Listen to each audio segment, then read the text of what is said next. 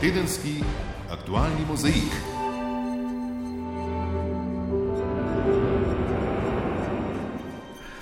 Lepo zdrav vsem, ki ste se nam pridružili v tedenskem aktualnem mozaiku v soboto 16. novembra 2019. V tednu, ko se je po treh desetletjih zorjenja začel jubilejni festival Liv, je tudi življenje doma in v tujini spisalo kar nekaj precej filmskih zgodb. V duhu velikega vala smo bili priča polstoletnim vodam na obali, vohunskim nadaljevankam okoli arbitraže, kot v vojaških filmih in ob glavni vlogi Štajerske varde ter Sveta za nacionalno varnost smo imeli državni udar, v stilu Botra smo dobili novo mafijo, tokrat na ustavnem sodišču, obglavljali smo vrhove korporacij v državni lasti, tokrat Telekoma in Inter Evrope, na pošti, ki mimo grede kupuje Inter Evropo, pa so posneli romantičen film s srečnim koncem, ki se mu reče konec poštarske stavke. A publika že napoveduje nadaljevanje. Pa pojdimo lepo po vrsti. Teden smo začeli stavko poštarjev. Motih predvsem preobremenjenost, ki je po navedbah sindikata poštnih delavcev prevelika. Leto so sicer že zaposlili dodatnih 231 delavcev, še 81 naj bi jih do konca leta, kot predvideva tudi februarski dogovor med sindikatom in vodstvom, a sindikat poštnih delavcev ustraja, da je odhodov delavcev bistveno več, tudi zaradi preniskih plač. Zato zdaj zahtevajo njihovo desetodstotno zvišanje. Po dveh dneh pogajanj so pleteni le našli skupni jezik o desetodstotnem zvišanju plač za delovce v poštnem prometu, s čimer je zadovoljno tudi poslovodstvo družbe v stotodstotni državni lasti. Zato se je stavka končala. Maj zadovoljstvo je v sindikatu delovcev prometa in zvez, drugem reprezentativnem sindikatu na pošte Slovenije, ki ni bil soorganizator stavke. Prepričani so, da dosežen dogovor zaposlenim prinaša premalo, zato že napovedujejo možnost zaustritve sindikalnih aktivnosti. V ponedeljek pa bi objavljen del poročila Komisije za nadzor varnostnih in obveščevalnih služb glede zapletov v arbitražnem postopku za določitev meje med Slovenijo in Hrvaško. Pričakovanja so bila velika, saj je že v petek Matej Tunin napovedal: Zagotovili, da smo vseeno osebo ujeli na laži a 17 strani dolgo javno poročilo bremeni predvsem slovensko agentko Simono Drenik. Ta je namreč kljub večkratnim opozorilom Sove o možnosti hrvaškega prisluškovanja sokolcem komunicirala po stacionarni nezaščiteni liniji. S tem pa naj bi kršila zakon o varovanju tajnih podatkov.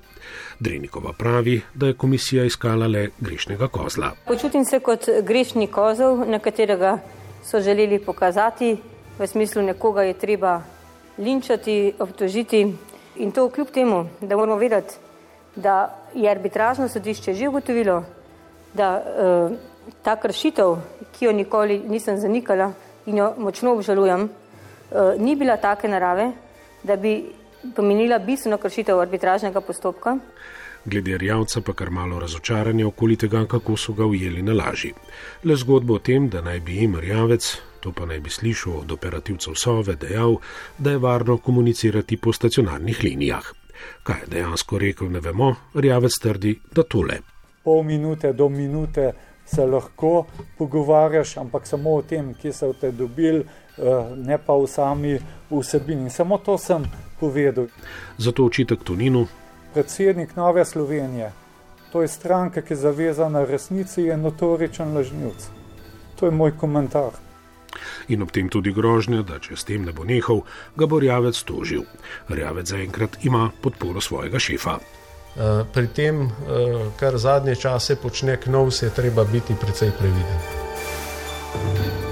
Tožbo pa si je prislužil tudi Žan Mahnič in sicer zaradi besed, ki jih je najprej prek Twitterja, potem pa še v mikrofon izrekel o podločitvi ustavnega sodišča, da poleg sodnikov pred preiskovalko ne sme zaslišati tudi toživcev in sicer, da je mafija zaščitila mafijo. V zvezi s temi izjavami je nekdani ustavni sodnik Matej Škrivic ustavno sodišče in predsednika republike pozval k predlogu za kazanski pregon Mahniča. Slednja predlogu nista sledila, je pa ovadbo vložil Fischer in v njej med drugim zapisal, da je kot tožilec in kot nekdani ustavni sodnik globoko užaljen ob Mahničevih izjavah. Mahnič v odgovor. Vsaka država ima svojo mafijo, edino v Sloveniji ima mafija svojo državo. Uh, moj odziv je bil, da je mafija zaščitila mafijo in ugotavljam, da očitno tisti, ki so se v mojih izjavah prepoznali, so se tudi odzvali. Tako Mahnič kot tudi njegova stranka SDS pa niso tako kritični do te mafije, ko gredo njihove odločitve njim uprit. Takole jih je na to spomnila Jolanda Lebar v svojem komentarju. Je potem mafija vrnila nezakonito oduzet mandat poslancu, je mafija vrnila zadevo Patrija v novično sojenje, je mafija določila, da mora država v celoti financirati javno veljavne programe v zasebnih šolah, je mafija zaustavila nezakonite hišne preiskave brez prisotnosti lastnika. V slogu vojaških filmov pa smo, če verjeti tvitom iz vrste SDS, v tem tednu doživeli tudi vojaški udar. Vlada je sklicala sejo Sveta za nacionalno varnost, ki je vladni posvetovalni organ, a tokrat na sejo niso povabili predsednika največje opozicijske stranke in ne predsednika države. Morda tudi zato, ker so na svetu sklenili, da morata pravosodno in notranje ministrstvo v najkrajšem času pripraviti spremembo zakonodaje, ki bi omogočala preganjanje in kaznovanje raznih vard ter vaških straž, ki v uniformah, zamaskirani in z replikami orožja, paradirajo ob južni meji. Bil je že skrajni čas, pravi Branko Lobnikar, če ne bi naredili nič, bi s tem država dajala sporočilo, da zadev ne obvladuje in da so ljudje prepuščeni sami sebi. Izkušnje iz tujine pa kažejo na to, da so to vrstna združenja okolje, v katerih posamezniki, ki so že tako ali tako radikalizirani, začno razmišljati o še bolj nasilnih dejanjih. Da ugotovijo, da takšno vedenje, kot je združevanje ob vikendih, ni več učinkovito in potem naredijo korak naprej. Takrat pa se ne bomo več spraševali o človekovih pravicah in pravicah do združevanja. V tem tednu pa smo imeli še dve novi nanizanki in sicer o obglavljanju vrhov korporacij. Nadzorni svet Inter-Evrope je na izredni seji razrešil predsednika uprave Ernesta Gordana, na Telekomu pa se je zgolj po dveh mesecih poslovil že drugi predsednik uprave v tem letu, več v nadaljevanju oddaje. Medtem pa smo priča tudi pravi bitki za proračun. Po državnem plačilu vožen z avtobusi in vlaki sedaj vsem upokojencem višajo pokojnino za 6,5 evrov mesečno, za 140 milijonov naj bi se dvignile poprečnine iz drugega tira in obramnega proračuna pa naj bi denar preusmerili za obnovo Gorenske železnice. Mnogi zato govorijo o razpadu proračuna ali pa o tem, da gre za darila in da smo tik pred volitvami. Vprašanje pa je, ali bomo kot darilo razumeli tudi ustanovitev nove letalske družbe, glede na to, da smo se že navadili na veliko niže cene letalskih vozovnic. Stečajni upravitelj Adrije Airways je sicer prejel pet ponudb za tisto, kar je ostalo od propadle Adrije, med interesenti pa znana imena kot naprimer Pečečnik, Rastodar in Boskarol. Seveda pa ne moremo tudi mimo tako imenovanega Štajerskega novega leta oziroma Martinovega. Na ta dan, ki mu nekateri rečejo tudi jesenski pust, ko se grešni mož spremeni v vino, se v Štajerski prestolnici zbere tudi do 20 tisoč obiskovalcev iz Slovenije in tujine. Vrhunec dogajanja pa, ko je slovenska vinska kraljica Meta Frangaš mož simbolično spremenila v vino. Jaz mislim, da se mari vrčani na svojih štajrci zavedamo, da imamo odlična vina eh, in da kultura pitja vina med eh, nami tudi narašča. Sploh med mladimi jaz to opazujem, eh, kaj ti večkrat grem ven in opazim, da si skupina mladih naroči tudi butelko ali pa kozarec dobrega vina na mesto žganih pijač. Tako da jaz mislim, da je to zelo pozitivno. Iz ene mokrote pa v drugo manj prijetno. V sredo nas je najprej prizadela izredna plima, ki je povzročila ogromno škode, predvsem v Piranu in Izoli. Poplavljanja zaradi plime bomo zaradi okrepljenega juga deležni tudi ta vikend. Danes smo jo, glede na dogajanje ob Jadranu, odnesli kar srečno, zaradi obilnih padavin. Prvi večji val je bil danes po noči, drugi pa bo v noči na nedeljo, pa nas lahko čaka tudi razlivanje rek. Hidrolog Janez Polajner iz Agencije za okolje. Kot kaže, bo največ padavin in s tem tudi največ težav z naraslimi vodami, prav v južni Sloveniji, torej v Pokolpju, potem v širši okolici Ljubljane, Pohograjsko hribovje, Škofiloško hribovje, na širšem celskem območju, tudi na Koroškem, na območju, kjer izvirajo reke na Pohorju, torej na širšem območju Pohorja. No, naj pa omenim, da bo tudi reka Drava ob koncu tedna močneje narasla bi utegnila povzročati težave v nedeljo in ponedeljek, zlasti v njenem spodnjem toku, to je dol vodno od jezera Markovci pa proti Hrvaški meji. In če nekje voda preveč, pa smo po drugi strani lahko priča tudi posilstvu nad pitno vodo. To se po mnenju mnogih dogaja na Ježici, kjer poteka izgradnja kanalizacijskega kanala preko vodovarstvenega območja Ljubljanskega polja. Anže Logar plastično. V nekem civiliziranem svetu nasplošno velja, da ne upravljaš potrebe v krožnik, iz katerega potem ješ. Na odboru za infrastrukturo so soglasno menili, da je treba o tem razpravljati na izredni seji državnega zbora prihodnji teden.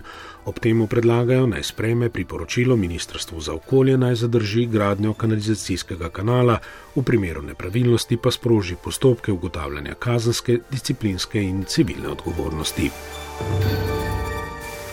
Od zunanje političnih tem pa omenimo ameriški politični teater z odstavljanjem predsednika, ki je v tem tednu prišel v novo javno fazo, v kateri so priče, za katere so demokratski kongresniki presodili, da so v tem trenutku ključne, nastopile tudi pred mikrofoni in kamerami. Več v nadaljevanju daje in komentarju našega dopisnika Andreja Stoparja. Janko Petrovec pa o političnem kaosu v Italiji, kjer je podpora desni opoziciji narasla nad 50 odstotkov kaos pa tudi v Bosni in Hercegovini, kjer se razmere zaostrujejo zaradi beguncev. Lokalne oblasti so za dva centra v Bihaču in Veliki Kladuši uvedle 24-urno policijsko uro. Iz obeh centrov, ki naj bi jo zaradi nasprotovanja okoliških prebivalcev prihodne zaprli, pa nameravajo spuščati le tiste, ki bodo svojo srečo poskušali na meji s Hrvaško. Zaradi te izjave pristojne hrvaške službe razmišljajo o tem, da bi določenim političnim predstavnikom Bosne in Hercegovine prepovedali vstop na Hrvaško. V Franciji se ob obletnici začetka protestov rumenih jopičev že stopnjuje napetost med protestniki in policijo, podobno tudi v Hongkongu, kjer je po sinočnih spopadih med radikalnimi protestniki in policijo v središču mesta mirno. Vprašanje pa je, koliko časa bo tako ostalo. Radikalni študentje so namreč znova blokirali glavno avtocesto, ki vodi v mesto. Predele Avstrije pa niso blokirali protestniki, ampak kar sneg. Upamo lahko, da vse te snežne padavine ne bodo prišle k nam. Iz Srbije pa še informacija, da so srpskega predsednika Aleksandra Vučiča zaradi srčnih težav hospitalizirali v Vojno-medicinske akademije v Beogradu. Njegovo stanje naj bi bilo stabilno. O velikih zgodbah tega tedna, nekaj smo jih omenili že v vodu, pa v tedenskem aktualnem mozaiku že čez nekaj trenutkov. Tedenski aktualni mozaik. Konec tedna Petrol, v tem tednu še Telekom. Oba prva moža velikih borznih družb je odneslo, kar pomeni, da so pretresi med politiko in določenim krogom menedžerjev precej močni. Več o odstopu Matjaža Merkana z vrha Telekoma, pa Maja Derčar. V tem tednu se je z vrha Telekoma poslovil že drugi predsednik uprave v tem letu. Matjaš Merkan je funkcijo nastopil sredi septembra po daljši izpraznitvi sedeža, ki ga je prej, pol drugi mandat, zasedal Rudolf Skobe. Skobe je odšel, ker mu politika ni bila pripravljena pogledati skozi prste. Bremeni ga marsikatera zgrešena naložba, kot je ugotovila tudi nedavno v javnosti objavljena revizija. Čisto zadnje breme pa je kar 23 milijonski strošek, ki ga mora Telekom poravnati nekdanjemu grškemu partnerju v naložbi Antena oziroma Planet TV. Planet je bil projekt Rudolfa Skobeta. Nadzorni svet pa zdaj zahteva, da se razišče, ali je Skobe ali kdo drug od odgovornih v tej zgodbi oškodoval družbo. Merkan naj bi po precej zanesljivih informacijah zavračal dožnost preiskovanja za nazaj. Je ščitil skobeta, je to čutil kot breme, sam pa je želel zreti le v prihodnost. Dejstvo je, da nalogi očitno ni bil kos. To je v slabem mesecu dni že drugi odhod z mesta uprave slovenskega Blučipa, torej na borzi visoko kotirajočega podjetja. Po Tomažu Berločniku, ki je zaradi spora z nadzorniki zapustil Petrol, je odšel tudi Merkan. Oba sta bila strani združenja menedžer ovenčana z nazivom Menedžer leta, Merkan 2015, Berločnik letos. Je pa še ena povezava med njima. Berločnik je solasnik kadrovske agencije Kompeto, ki je bila najeta za iskanje telekomovega prvega človeka. Najdemo pa še druge povezave Merkana in nomenklature, tudi povezavo z državnim sekretarjem na Ministrstvu za finance Alojzem Stano. Povedano drugače, v Telekomu se vedno srečajo interesi kapitalsko močne skupine z interesi aktualne vladajoče politike. In v času vlade Marjana Šarca so ti interesi trčili, To pa se bo dogajalo toliko časa, dokler bo družba v državnih rokah, komentira dr. Mitja Kovač. Zvorijo temu državnem lasništvu, ne, ker fanti in punce iz, iz vlade in tako naprej, ne, v našem imenu upravljajo s tem premoženjem, ne, zdaj kdo od nas, teh malih držav, to nadzoruje, če oni res maksimizirajo našo blaginjo ali pa svojo, ne, potem je pa se to gojišča različnih ljudi, ki so nekompetentni za vodne takšne družbe in tako naprej. In to je pač primer tega, da, da, da, da Slovenci mi to želimo, mi če kar naprej to v državno lasništvo tako ekonomist dr. Mitja Kovač. Začasno bo Telekom s polnimi pooblastili vodil podpredsednik uprave Tomaš Seljak, ki je že 22 let zaposlen na Telekomu. In lahko se zgodi, da bo Seljak, magistr elektrotehnike, strokovnjak za omrežja, tudi ostal na položaju, ko bo prišlo do imenovanja za polni mandat. In zdaj je vprašanje, ki ga bo treba razčistiti. V družbah v državni lasti je pravilo, da član uprave, ki sam odstopi, ni upravičen do odpravnine. V praksi je čisto drugače. Nadzorni svet in član uprave se vedno pogodijo za odpravnino, praviloma šestmesečnih plač. Tudi če ne gre za odstavitev, pač pa odstop. Do odstopa iz osebnih razlogov pa prihaja, ker tudi nadzornemu svetu koristi, da jih uprava zaradi odpoklica ne toži. Tako imamo razmere, ko zakon pravi eno, praksa pa drugo. Zato lahko pričakujemo, da bo tudi Merkan, če tudi dva meseca na položaju, upravičen do odpravnine. Rudi Skobe pa bo na koncu dobil odpravnino in še sedem plač zaradi dolgega odpovednega roka. In za konec, kakšne so še posledice dogajanja v Telekomu? Vrednost delnice Telekoma je v zadnjem letu padla za več kot 16 odstotkov, zdaj kotira pri 57 evrih. Spomnimo, ko je bil Telekom pred štirimi leti na seznamu za prodajo, je sklad Sinven ponujal do 130 evrov na delnico. V ponedeljek so prvič v zgodovini stavkali poštni delavci. Vodstvo družbe, ki državi kljub pomankanju kadra prinese letno nekaj milijonski dobiček, se je zavezalo k višjemu plačilu pošterjev in ostalih poštnih delavcev. Po uspešnih pogajanjih, ki so prekinila dvodnevno stavko, pa je državno podjetje končalo malo manj kot 29 milijonski prevzem Inter Evrope. Podrobne o stavkovnem dogajanju in obetih za pošto Slovenije Lidija Cokan. Na to, da so razmere za zaposlene na pošti Slovenije slabe, oba reprezentativna sindikata opozarjata že dalj časa. Prva grožnja stavko je tako v zraku visela že februarja letos, ko je poslovodstvo pošte Slovenije na to le pristalo na sindikalne zahteve.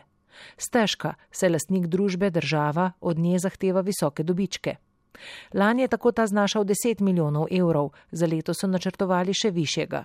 In to kljub temu, da je bil februarja dosežen dogovor s sindikati vreden kar 17 milijonov evrov. Prav skrb za pozitivno poslovanje pa je bila v začetku tedna glavni argument, zakaj poslovodstvo Pošte Slovenije ne more pristati na zahteve sindikata poštnih delavcev. Generalni direktor Boris Novak. Za vso odgovornostjo poslovodstva za vzdržno poslovanje Pošte Slovenije lahko zatrdim, da na naveden nerealen eh, dvig plač ne moremo pristati. A v dvodnevni stavki, ki se ji je pridružila večina zaposlenih v poštnem prometu, se je zares pokazalo, v kakšnem začaranem krogu je zaposlovalna politika na pošti Slovenije. Poštarjev je premalo, ker je plačilo za njihovo delo nizko, pa nove težko zaposlijo. Poštar Gorast Gorenjak. Mladi, ko pridejo, ne zdržijo. Od desetih, kaj smo jih tu dobili, menda, mogoče en, dva ostane ta ostalo pa po dveh, treh, enem tednu. Jaz tega ne bom delal. Pravi, da pretežko, predolgo dela. Z izkupičkom stavke, ki se je končala v torek, sta bili na koncu zadovoljni obe strani. Poslovodstvo Pošte Slovenije zato, ker 7 milijonov in pol evrov vreden dogovor ne bo ogrozil pozitivnega poslovanja družbe in sindikat poštnih delavcev zato, ker se bodo poštnim delavcem začele plače dvigovati že naslednje leto. Sindikalist Saša Gržinič. Po naših izračunih nekako na hitro smo prišli do tega, da bi to pomenilo poprečno od prvega do petega razreda od 60 do 100 evrov bruto dvig plač in v šestem in sedmem za delavce v prometu nekaj manj. Drugi reprezentativni sindikat, sindikat delavcev prometa in zvez, pa je po končani stavki opozoril na dogovor o zaposlovanju dodatnih delavcev v poštnem prometu. Sicer so še zagrozili, bodo po novem letu tudi oni napovedali stavko. Pošta Slovenije v 100 odstotni državni lasti je tako razpeta med zahteve po poštenem plačilu za zaposlene in zahteve po dobičku. Z vidika poslovanja pa je ena od težav izvajanje tako imenovane univerzalne poštne storitve, ki jo določa zakon. Cene za te storitve morajo biti stroškovno naravnane, za nameček pa so že nekaj let v upadu. Nekatere evropske države zato univerzalno poštno storitev na enega od dovoljenih načinov sofinancirajo. Tako je denimo na Hrvaškem, v Belgiji, na Švedskem, Finskem, v Veliki Britaniji, Italiji, na Češkem in Norveškem. To si želijo tudi v Pošti Slovenije, kjer se z izzivi soočajo tudi pri izvajanju drugih, bolj donosnih storitev. Član poslovodstva Pošte Slovenije Andrej Richter. Pošta Slovenije deluje v izredno konkurenčnem okolju, predvsem na paketnem poslovanju se srečujemo tukaj v Sloveniji tudi z vso mednarodno konkurenco. Zagotavljanje dobička je bil tako verjetno glavni razlog za nedavni prevzem Inter Evrope, ki ga je izvedla Pošta Slovenije in bi v prihodnje lahko omogočil, da bi postala mednarodno logistično podjetje. Če bi se to zgodilo, pa bi se zagotovo odprlo vprašanje privatizacije pošte, kot se je v nekaterih evropskih državah že zgodilo. V naslednjem letu, ko pošto čaka odpiranje kolektivne pogodbe in prenova notranje organizacije strokovnih služb, bo skoraj nujno, da bo stališče zauzela tudi država. Ali bo zmanjšala zahteve po dobičku oziroma sofinancirala univerzalno poštno storitev, kar je manj verjetno, ali pa bo začela resneje razmišljati o privatizaciji pošte Slovenije, ki se jo je v preteklosti le omenjalo. Kaj bi to pomenilo za uporabnike poštnih storitev, sploh tiste v manjših krajih, kjer že zdaj zapirajo poštne poslovalnice, pa je spet drugo vprašanje. Proračun za prihodnje leto je razpadel, lahko rečemo, po seji odbora za finance, ki je proračunski svežen pripravil za obravnavo na plenarni seji prihodnji teden. Člani odbora so zvišali povprečnino za kar 140 milijonov, odobrili izredno uskladitev pokojnin, kar na leto pomeni dodatnih 60 milijonov, pa 90 milijonov z drugega tira in vojske preusmerili na obnovo gorinske železnice. Ob najpomembnejšem dokumentu se je nazorno pokazala šibkost manjšinske vlade, za dodatna pojasnila pa je z nami Zdenka Bakalar. Pozdravljena, Zdenka. Pozdravljeni. Kaj tako dramatičnega se je zgodilo na seji odbora za finance, da govorimo o razpadu proračuna? Torej, proračun za prihodnje leto je rekorden po obsegu, načrtovan je tudi presežek 415 milijonov. Toda to, kar se je zgodilo na seji odbora za finance, dodatna zvišanja od izredne uskladitve pokojnin, više povprečnine in prerasporeditve z drugega tira in vojske na Gorensko železnico, pomeni, da je načrtovan presežek najmanj prepolovljen. In če upoštevamo še zakone, ki jih bo državni zbor kmalo sprejel, pokojninske spremembe, gre za odmerni odstotek in druge ugodnosti, ter više nadomestila za brezposelne, potem presežek samo še dodatno kupni. In še na nekaj je treba upozoriti, že v predlaganem proračunu je masa za transferje posameznikom in gospodinstvom za prihodnje leto za 90 milijonov nižja kot letos. Gre za socialne pomoči, otroške dodatke, porodniške in podobno. Pa vemo, da ni nobene zakonodaje, ki bi zniževala te pravice. Zato je dvom o prenisko načrtovanih izdatkih posem upravičen. In ko vse to seštejemo, se počrto tako rekoč znova pojavi primankljaj. Zato pravimo, da proračun razpada. Pa lahko rečemo, da je vse to posledica dejstva, da je Lovica zapustila vlado, da zdaj dejansko deluje res kot manjšinska vlada. Prej bi rekla, da se je manjšinska vlada petih strank znašla na prepihu, da znotraj petih strank ni nekega povezovalnega tkiva, nekako delujejo neenotno, zasluge za določene pozitivne ukrepe si takoj prilasti posamezna stranka, opozicija pa seveda vidi te razpoke, nekaj glasov doda še levica in skozi parlamentarni odbor gredo dopolnila, ki sicer ne bi. Naprimer, za višjo povprečnino je dal glas poslanec Desusa in levice, šlo pa je za predlog SDS-a in NSI-ja. To vse kaže, kako lahko delo bo imela opozicija, če bo vladni peteček razglašen, ko gre za uh, tako pomembne zadeve, kot je proračun. Kaj zdaj torej sledi? Bo takšen razcefrani proračun potrdil tudi državni zbor, eh, če se ne motim, je se že prihodnji teden? Torej, ne verjamem. Vsekakor bo mašinska vlada na preizkušnji, zato so tudi potihnile napovedi o vezavi zaupnice na proračun. Videli smo, kaj vse se lahko zgodi ob glasovanju. Vladni peterček bo moral nujno strniti vrste, na vse zadnje imajo podporo tudi Jelinčičeve SNS. Mimo grede dve skromni dopolnili od te stranke so podprli na odboru. Dopolnila, ki so finančno pretežka, bodo morali zavrniti ali popraviti. Je pa jasno, da se bodo javne finance prav zato, ker gre za manjšinsko vlado s finančno zelo potratno koalicijsko pogodbo, začele poslabševati. Kar pa je škoda glede na silno odrekanje v minulih letih, ki se lahko v nekaj letih posem izniči. Hvala za tole. To je bila Zdenka Bakalar. Tedenski aktualni mozaik. Ukrep centralne banke, s katerim se zaostrujejo pogoji za potrošniška in stanovanska posojila, je razburil posojilo jemalce, ki so ostali pod mejo za možno zadolžitev, pa tudi del gospodarstva in politike. Prepričani so, da bo ta omejitev v obdobju gospodarskega ohlajanja le še dodatno zmanjšala porabo. Omejitve pri stanovanskih posojilih pa vplivajo tudi na reševanje stanovanske problematike. O tem, česa bi se v zvezi s tem morali nujno lotiti, pa v prispevku Urške Rep.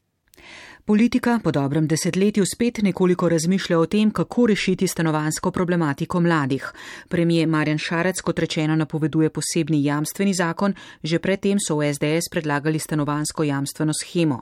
Predsednica Zveze potrošnikov Brida Kutin je prepričana, da je po dolgoletnem zanemarjanju tega področja napočil čas za aktivno delo. Mislim, da bi se morali ta hip uh, usest skupaj, kako presežna sredstva Eh, tudi v bankah usmeriti na način, da bomo začeli problematiko na tem področju, govorim posebej o stanovanski problematiki, eh, razreševati. Eh, in eh, iskati mehanizme, kajti reševanje stanovanskega problema ni eh, navaden bančni posel. In pričakovanje, da bodo vsi mladi lahko lastniki stanovanja, je nažalost nerealno. In če se vsakemu da posojilo, tudi tistemu, ko ima podpoprečne dohodke, se ga pravzaprav s prvo roko že, te, že na prvih hip potiska do tega, da bo ob najmanjšem problemu stopil čez z rob, takrat pa pridemo do tega, da banke neusmiljeno pro, prodajajo svoje terjatve. To smo videli pri švicarskih frankih, tudi z 80 odstotkim, eh, odstotnim diskontom, eh, brez pripravljenosti, kako pravzaprav razreševati to problematiko. Po njenem mnenju bi prav banke lahko presežna sredstva med drugim usmerjale v gradnjo novih stanovanj, kar Lipnik, analitik iz časnika Delo, se s tem ne strinja, vsaj ne povsem tu bi mogla poseči država in ustanoviti vrčevalne scheme. Mislim, reševanje stanovanske politike tu je sestavljeno popolnoma narobe, ne more začeti s krediti. Se pravi, prvo, kar rabimo, je fond stanovanj. In drugo, kar, je, kar bi mogla država že narediti, so vrčevalne scheme, ne? dolgoročne vrčevalne scheme, ki bi teh približno 3,5 milijard, milijarde evrov, koliko je trenutno presežne likvidnosti, po eni strani ohranila na dosegu bank, če rabijo za investicije, in po drugi strani, da bi lahko bankam omogočilo neko prožnejše, prožnejše delovanje. Glavna težava tiči v ponudbi, te je odločno premalo, pa ocenjuje generalna direktorica gospodarske zbornice Sonja Šmuc. Tukaj je popolnoma tisto, kjer trg pove, kakšna bo cena. Če je ponudbe premalo, bo cena narasla. In država bi se morala prizadevati za to, da je ponudbe čim več, da je ponudba ustrezna, eh, da, da potencijalni investitorji ne čakajo po nekaj let na soglasja, da je težko eh, umeščati eh, take ideje v, v prostor prostor uh, in tukaj je pravzaprav um, ključ k temu, k temu problemu, ki ga noben zakon ne bo razrešil. Razen, če je namenjen za hitrejše umeščanje v prostor, sproščanje in spodbujanje investitorjev, da um, ustvarijo dovolj veliko ponudo na področju um, stanovanj uh, in potem bo temu zagotovo sledila tudi uh, cena stanovanj, ki bo, uh, ki bo nižja. Uh, seveda pa potem prav, da je pa celoten spektr nastavljen tako, da lahko prideš do posojila. Um, na polskem recimo država namensko um, um, sofinancira, omogoča mladim izobraženim, da pridejo do stanovanja kot eden od ukrepov proti begu možganov. Tako da zagotovo je opcij več, so različne.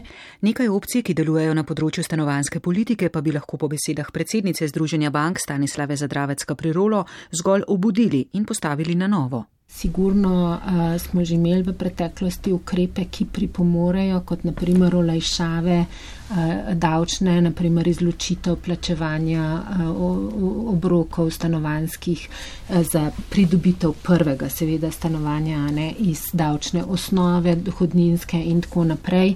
Uh, sigurno tudi kakšna jamstvena schema, ustrezne oblike, posebej morda za prekarne zaposlene, ki jih imamo vedno več in tako naprej. Tukaj je opcij uh, kar nekaj to, da se na različne načine a, a, poskuša a, vplivati na dostopnost in tudi zniževati more biti, a ne more biti ne, a, balone na segmentu nepremičninskih cen. Na trgu ocenjujejo, da naj bi sicer ta hip v Sloveniji potrebovali od 20 do 30 tisoč novih stanovanj.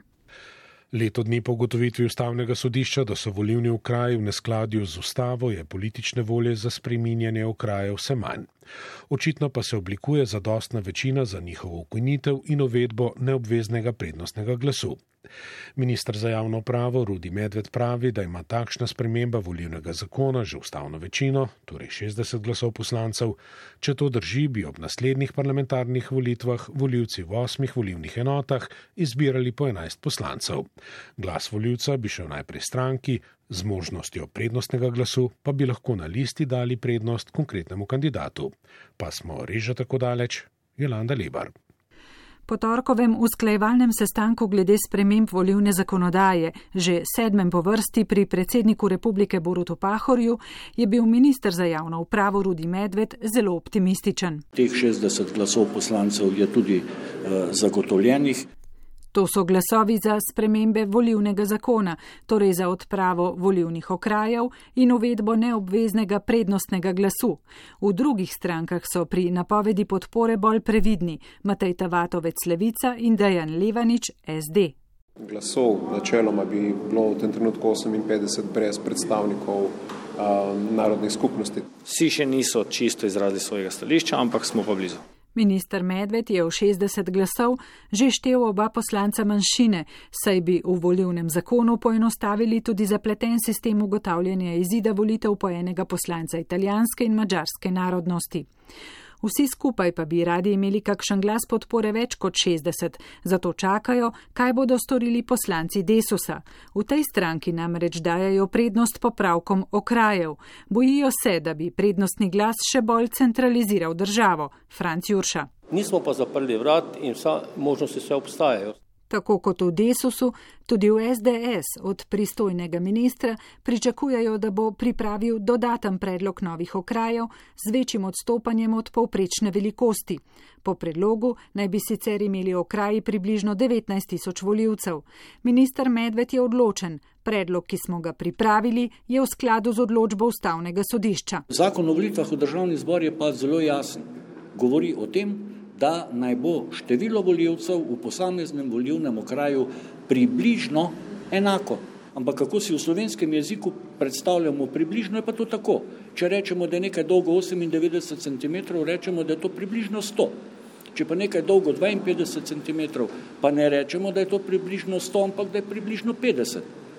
Ampak nekateri si pač odločbo ustavnega sodišča razlagajo čisto po svoje, mi sodimo, da narobe, in zato zakonskega predloga eh, s takimi volivnimi okraji Ministrstvo za javno upravo ne bo pripravilo. Saj, tako kot pravi Maša Kocipr, SAB. Na koncu pač bo treba enkrat presekati in narediti piko in verjetno, tako kot je bilo pričakovano, nišče za okraji ne bo povsem zadovoljen. In prav zato se zdi, da je to misija nemogoče, čeprav bi za okraje rabili manj glasov podpore, 46, kot pa za spremembe volivnega zakona, ki rabi ustavno večino. Blaž Pavlin, NSI. Po mojem mnenju je, bomo lažje dosedli 60 glasov kot 46 glasov za podporo spremembam volilnih okrajev. Tako razmišlja tudi vodja poslancev SMC Igor Zorčič. Da bomo morale parlamentarne stranke tudi znotraj parlamenta, morda izven te zgradbe predsednika, eh, na hodnikih eh, reči kakšno za to, da dobimo eh, potrebno število glasov in da gremo naprej. Očitno najprej z ukinitvijo volilnih okrajev. Zdi se, da je, to, da je ta rešitev nekoliko bližje. Dejstvo pa je eno: zbrani podpisi pod predlog zakona bodo morali zdržati še glasovanje v državnem zboru. Šele takrat bo jasno, ali poslanci s premembami mislijo resno. Za odločitev imajo še leto dni časa. Ustavno sodišče jim je za uskladitev okrajev z odločbo dalo dve leti. Prvo leto bo minilo konec decembra. Tedenski aktualni mozaik kriv ali ne kriv, to je zdaj vprašanje, bi lahko v primeru ameriškega predsednika parafrizirali Šekspirjevega Hamleta. Proces ustavne obtožbe proti Donaldu Trumpu je ta teden prišel v novo javno fazo, v kateri so priče, za katere so demokratski kongresniki presodili, da so v tem trenutku ključne, nastopile tudi pred mikrofoni in kamerami. Bela hiša še zmeraj zavrača sodelovanje, zato ljudi, ki bi dejansko lahko povedali največ, ni v kongres. Republikanci pa trdijo, da ne le, da obtožbe niso osnovane, ampak tudi, da je predsednik v neenakopravnem položaju, ker se ne more ustrezno zagovarjati. Krok občinstva je zdaj neprimerno večji, saj lahko zaslišanja spremlja celotna zainteresirana javnost, obenem pa je tudi vse bolj jasno, da gre za predstavo z jasnim, vzorčno posredičnimi povezavami in predvidljivim koncem. Komentar vašingtonskega dopisnika Andreja Stoparja. Teden je v procesu stavne obtožbe prinesel predvsem dve novosti in odstaru zanimivo dogajanje v zakolisju stranske scene drame predsedniškega odpoklica. Prva novost je podatek o prisluškovanju telefonskemu pogovoru predsednika Trumpa in Gordona Sondlanda, na katerega je opozoril vršilec dožnosti ameriškega veleposlanika v Ukrajini William Taylor. Član mojega osebja je slišal, kako je predsednik Trump po telefonu spraševal veleposlanika pri Evropski uniji Sondlanda o preiskavah. Sonland mu je povedal, da so jih Ukrajinci pripravljeni uvesti. Po končanem klicu je kolega vprašal Sonlanda, kaj predsednik meni o Ukrajini. Sonland pa je odgovoril, da predsednika bolj zanima preiskava Bidna, zaradi katere je pritiskal Rudolf Giuliani. Druga novost pa je, da je predsednica predstavniškega doma Nancy Pelosi dejanja predsednika Trumpa v zvezi z Ukrajino opredelila za podkupovanje. Dajanje ali zadrževanje vojaške pomoči v zameno za javno izjavo o lažni preiskavi volitev je podkupovanje, da. Ampak kot je ugotovil na ključno vprašanje Washingtončan Rašim Ruk. Mislim, da se ne razumemo več kot odrasla, odgovorna človeška bitja. Na nobeni strani. Vsi iščemo izgovore za ljudi, ki so nam všeč. Predstavniški dom lahko izglasuje ustavno obtožbo, ampak ko bo zadeva prišla v senat, bo tam dovolj ljudi, ki bodo našli izgovore za predsednikovo vedenje. Procesa ne vidim kot prelomnega, ampak v tem trenutku predvsem kot zabavo za množice. Težko bi oporekali. Demokrati se želijo na vsak način znebiti predsednika, republikanci pa z Donaldom Trumpom na čelu trdijo, da s pričakovanjem uslug druge države pri obračunu z notranje političnimi nasprotniki ni prav nič narobe. Toliko bolj, ker so ZDA vojaško pomoč Ukrajini sprostile, ne da bi dejansko prišlo do uslug iz Kijeva. Za kulisje stranske scene, ki so ga razkrila zaslišanja, pa je pokazalo na revolt skupine, ki je običajno državi in administraciji najbolj zvesta, diplomatov. Na hitro odstavljena in pretresena veleposlanica Marija Jovanovič, o kateri je Donald Trump žaljivo tvital kar med njenim zaslišanjem.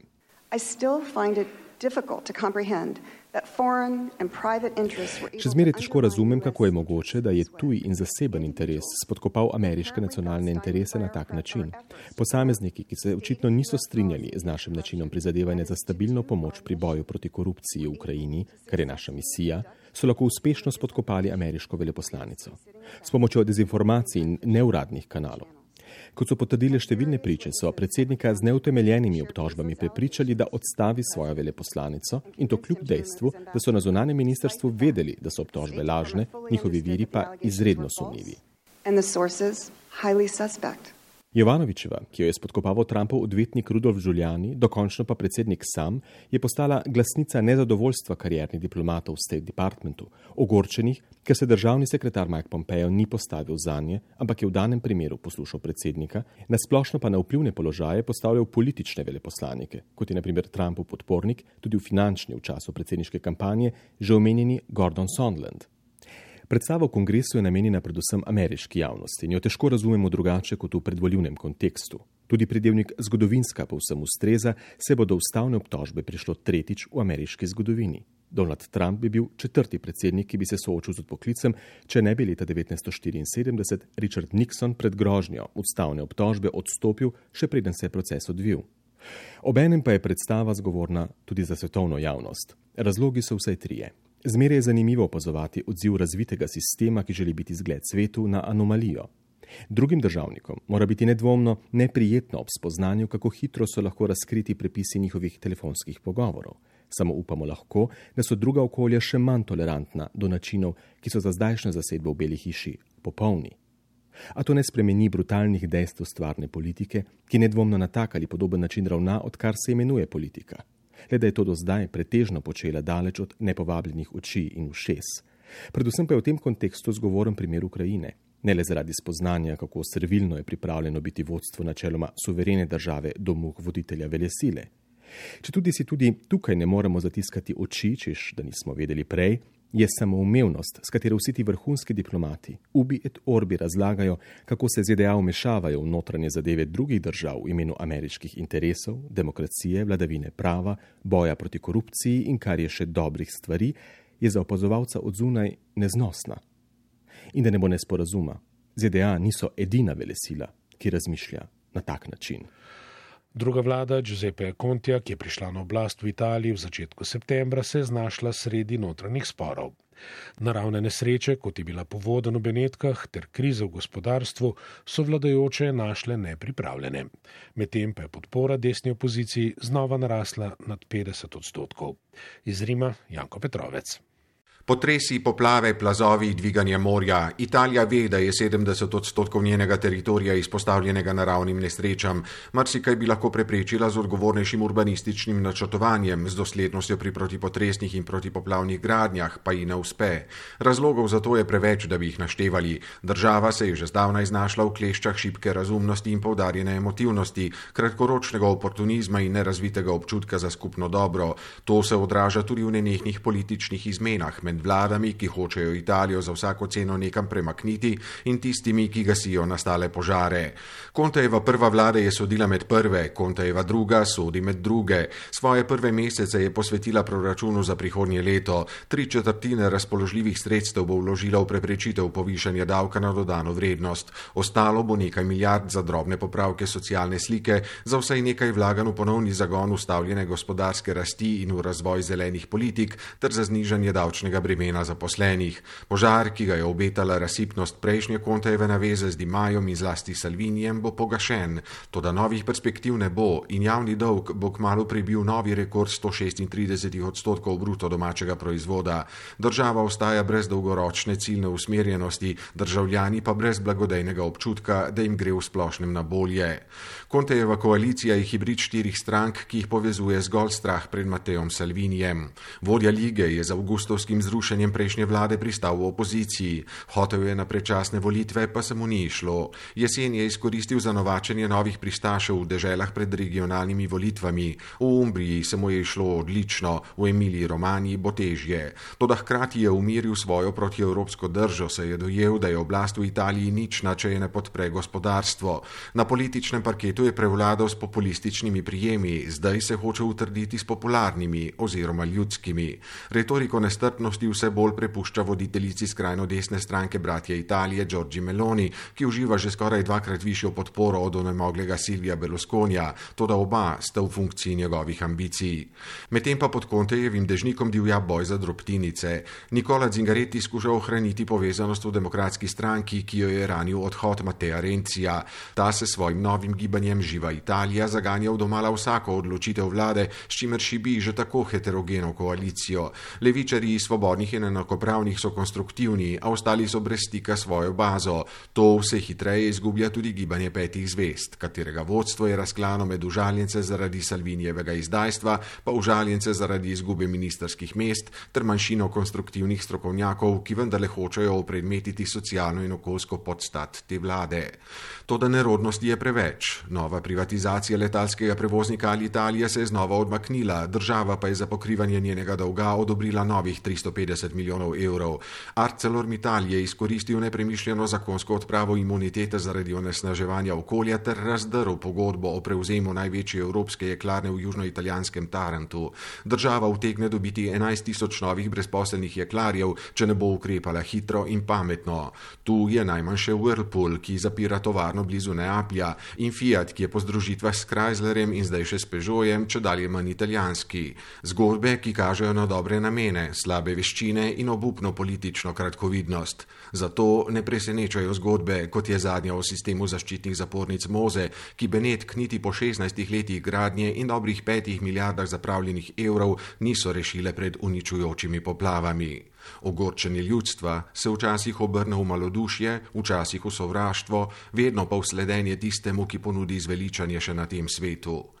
Ni naš namen, da bi desne stranke italijanske opozicije obtoževali razpihovanje nestrpnosti, toda z njihovo rastjo se je odločno okrepil tisti del družbe, ki goji kulturo nasilnega in sovražnega govora, ki nasprotuje migrantom, judom, gejem, romom in tistim, ki so se rodili v Italiji, pa jim država ne prizna državljanstva, pa tudi Evropi proti mafijskemu boju novim sankcijam za davčne utajevalce in vrednotam proti fašizma, ki je proti novinarjem, intelektualnim elitam ali preprosto proti vsem, ki berejo, mislijo in pišejo. Gre za del Italije, ki upija po trgih in stadionih ter tipka v telefonske aplikacije družabnih omrežij, kar jim daje občutek pripadnosti. Trenutna koalicija ne zna preusmeriti njihove energije v konstruktivno rehabilitacijo države, ta pa je ustavljena že 25 let. Pred dnevi je padla še ena ikona latinskoameriške levice. Dolgoletni bolivijski predsednik Evo Morales je po množičnih protestih in pozivu vojaškega vodstva k odstopu sestopil z položaja in se zatekel v Mehiko, ki mu je ponudila politični azil. Za začasno predsednico Bolivije se je razglasila namestnica predsednika senata iz vrst opozicije Žanin Anies. Množični protesti in nemiri se nadaljujejo, anska država postaja globoko razdeljena. Blaš Armenc. Nekdani pridelovalec koke Evo Morales se je povzpel na oblast leta 2006 kot prvi staroselski predsednik Bolivije. V minulem desetletju je bil predstavnik novega vala latinskoameriških levičarskih voditeljev. Skupaj z venezuelskim predsednikom Ugom Čavezom, brazilskim Lulo da Silvo in drugimi voditelji so napovedovali napredek, povezovanje, družbeno enakost ter obračun z ostanki kolonializma in neoliberalizmom. Morales je bil na položaju precej uspešen. Pod njegovim vodstvom je Bolivija kot najrevnejša najrevnejša južnoameriška država dosegala povprečno petodstotno letno gospodarsko rast. Z delno nacionalizacijo nahajališč nafte in plina je njegova vlada financirala obsežne socialne programe, s pomočjo katerih se je revščina zmanjšala skoraj 60 na 35 odstotkov. Predvsem pa je Morales po 500 letih kolonializma in zatiranja vrnil tamkajšnjim staroselcem dostojanstvo in ponos. A tudi njemu je oblast očitno stopila v glavo. Čeprav je bilo predsedovanje omejeno le na dva mandata, so mu spremembo ustave leta 2014 omogočili še tretji mandat in na to mu je bolivijsko ustavno sodišče, v katerem so imeli odločilni vpliv Moralesovi privrženci, omogočilo, da lahko kandidira še četrtič. Nedavne predsedniške volitve so bile polne nepravilnosti. Volilne oblasti so v sumljivih okoliščinah razglasile Moralesovo zmago že v prvem krogu. Sledili so množični protesti ter spopadi med njegovimi privrženci in nasprotniki. Ko sta ga kot stopu pozvali še vodstvi vojske in policije, je Morales vendarle se stopil skupaj s celotnim državnim vodstvom. Denunciamos justamente para la pacificación, para acabar con esta violencia. Odstopili smo z oblasti, da bi se končalo nasilje. Če bodo ljudje želeli, se bomo prej ali slej vrnili na oblast, a zdaj je treba čimprej pomiriti razgreto zrače v Boliviji, je dejal o prihodu v Mehiko. Morales trdi, da je šlo za državni udar. Nova začasna predsednica Bolivije, Žanin Anjes, to zanika. Rada bi bila zelo jasna, v Boliviji ne gre za državni udar, gre za unovično vzpostavitev ustavnega reda, gre tudi za zmago bolivijskega ljudstva, ki je šlo na ulice, da je obranilo volilni rezultat. Anjezova je Moralesovo socialistično stranko pozvala naj si za prihodnje predsedniške volitve najde drugega kandidata. Kot zatrjuje, bo državo vodila zgolj začasno, le do novih volitev. Medtem se spopadi med Moralesovimi nasprotniki in podporniki na ulicah bolivijskih mest nadaljujejo. Država ostaja globoko razdeljena. Predsednica je postala po naključju brez podpore ljudi. Na tem položaju je zgolj zaradi interesov desničarskih politikov ni prišla tja po demokratični poti. Ne predstavlja ljudi, predstavlja interese elite družbenega sloja, ki ima denar in ne revnih, pravi podpornica nekdanjega predsednika.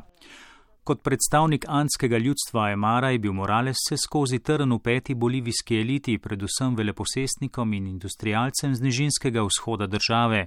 Ti so zdaj najbolj zadovoljni ob menjavi oblasti. V novi vladi, ki jo je predstavila začasna predsednica, ni niti enega staroselca, pa čeprav ti predstavljajo skoraj polovico prebivalstva. Med pomembnimi ministri v prehodni vladi so predvsem predstavniki poslovne elite iz mesta Santa Cruz, oporišča Moralesovih nasprotnikov. Nove oblasti napovedujejo, da bodo demontirale spremembe, ki jih je v Boliviji upeljal Evo Morales. Njegovi privrženci grozijo z uporom in državljansko vojno. Hanska država se je znašla na nevarnem razpotju. Tedenski aktualni mozaik. V Ljubljani in še treh mestih po Sloveniji tedni poteka mednarodni filmski festival, ki je tradicionalno eden od najbolj pričakovanih jesenskih kulturnih dogodkov pri nas. Festival, znan pod kratico LIF, letos obeležuje 30 let in organizatori pričakujejo, da bodo v začetku tedna prodali milijonto vstopnico. Urban Tarman se je ob jubileju pogovarjal s programskima direktorjema, ki sta LIF popeljala skozi prva 30 letja, Simonom Popkom in Jelko Strgel. Lif je začel nastajati ob koncu 80-ih let, ko so filmski entuzijasti prepoznali nišo. Evropski in svetovni film je v tistih letih namreč izginil slovenskih platen. Ob razpadu nekdanje skupne republike se je na njih vrtela večinoma ameriška studijska produkcija. Na sredini otvoritveni slovesnosti je predsednik republike Borut Pahor festivalu podelil pisno zahvalo. Za zasluge pri razvoju filmske umetnosti je bila nagrajena tudi prva direktorica Jelka Strgel. S kulturnimi potrebami ni tako enostavno kot uh, z siceršnjimi potrebami. Ne? Ni pač ta enoznačen odnos, uh, zdaj pa nekaj potrebujem, dajte mi to, ampak gre za to, da ti z uh, svojim angažmajem, z uh, neko kulturno ponudbo šele ustvarjaš pravzaprav zahteve, ustvarjaš okus odpiraš pravzaprav te perspektive kulturne ponudbe in točno to smo želeli. Ne? Točno to je bila eh, pravzaprav moja ambicija in ambicija tistih, ki smo takrat bili na filmskem področju najbolj aktivni, se pravi v tem krogu ekrana, jesenske filmske šole. Tako da ob popolnoma ničelni ponudbi Eh, evropskega filma, da ne govorimo o filmih eh, Azije, kinematografijah eh, tretjih držav oziroma pač kinematografijah drugih kontinentov, je bilo zelo težko govoriti o tem, da so bila pričakovanja neke publike velika. Ravno obratno, ta pričakovanja bilo treba šele spodbuditi. Mi, ki smo imeli več kontaktov z produkcijo v inozemstvu, mi, ki smo pač sledili tudi eh, preko kinotečnega programa in tako dalje, eh, film smo pravzaprav vedeli, kaj pogrešamo. 22. oktobra, bil je ponedeljek, se je v Cankarevem domu odprl film Artfest oziroma Mednarodni dnevi avtorskega filma. Prvi festival je obiskalo 4000 gledalcev, ki so si lahko ogledali 10 filmov. Med njimi sta bila ameriški neodvisni, vlak skrivnosti Jima Jarmuša in Taxi Blues Paula Lungina.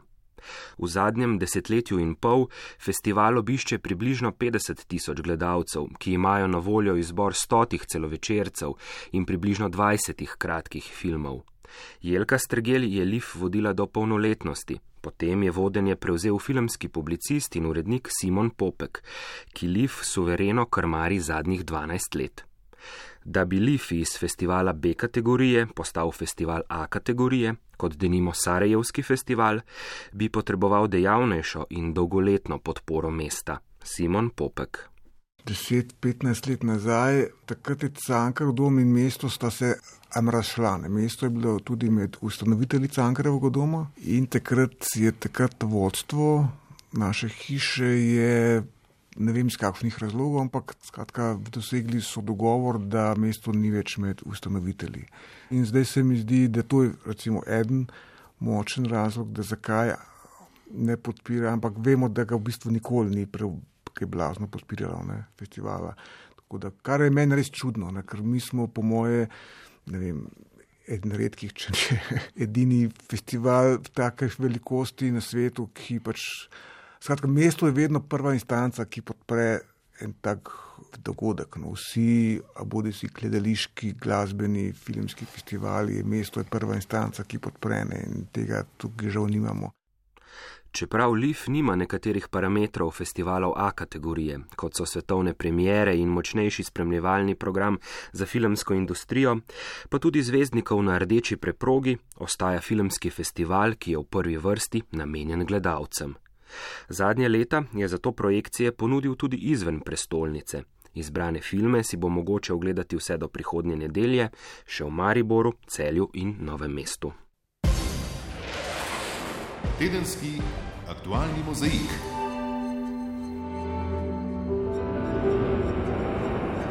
Tako, to je bil tedenski aktualni mozaik in kaj nam prinaša teden, ki je pred nami. V ponedeljek se začenja redna seja državnega zbora in sicer z vprašanji predsedniku vlade Marenu Šarcu. Parlamentarni odbor za pravosodje in komisija za poslovnik pa bosta na skupni seji obravnavala zahtevo sodnega sveta za oceno ustavnosti zakona o parlamentarni preiskavi in poslovnika o parlamentarni preiskavi. Za ponedeljek velja tudi vabilo k poslušanju studia ob 17. kjer bomo govorili o sporni gradni kanalizacije čez vodonosno območje Ljubljanskega polja. Studio pripravlja kolegica Alenka Trlep.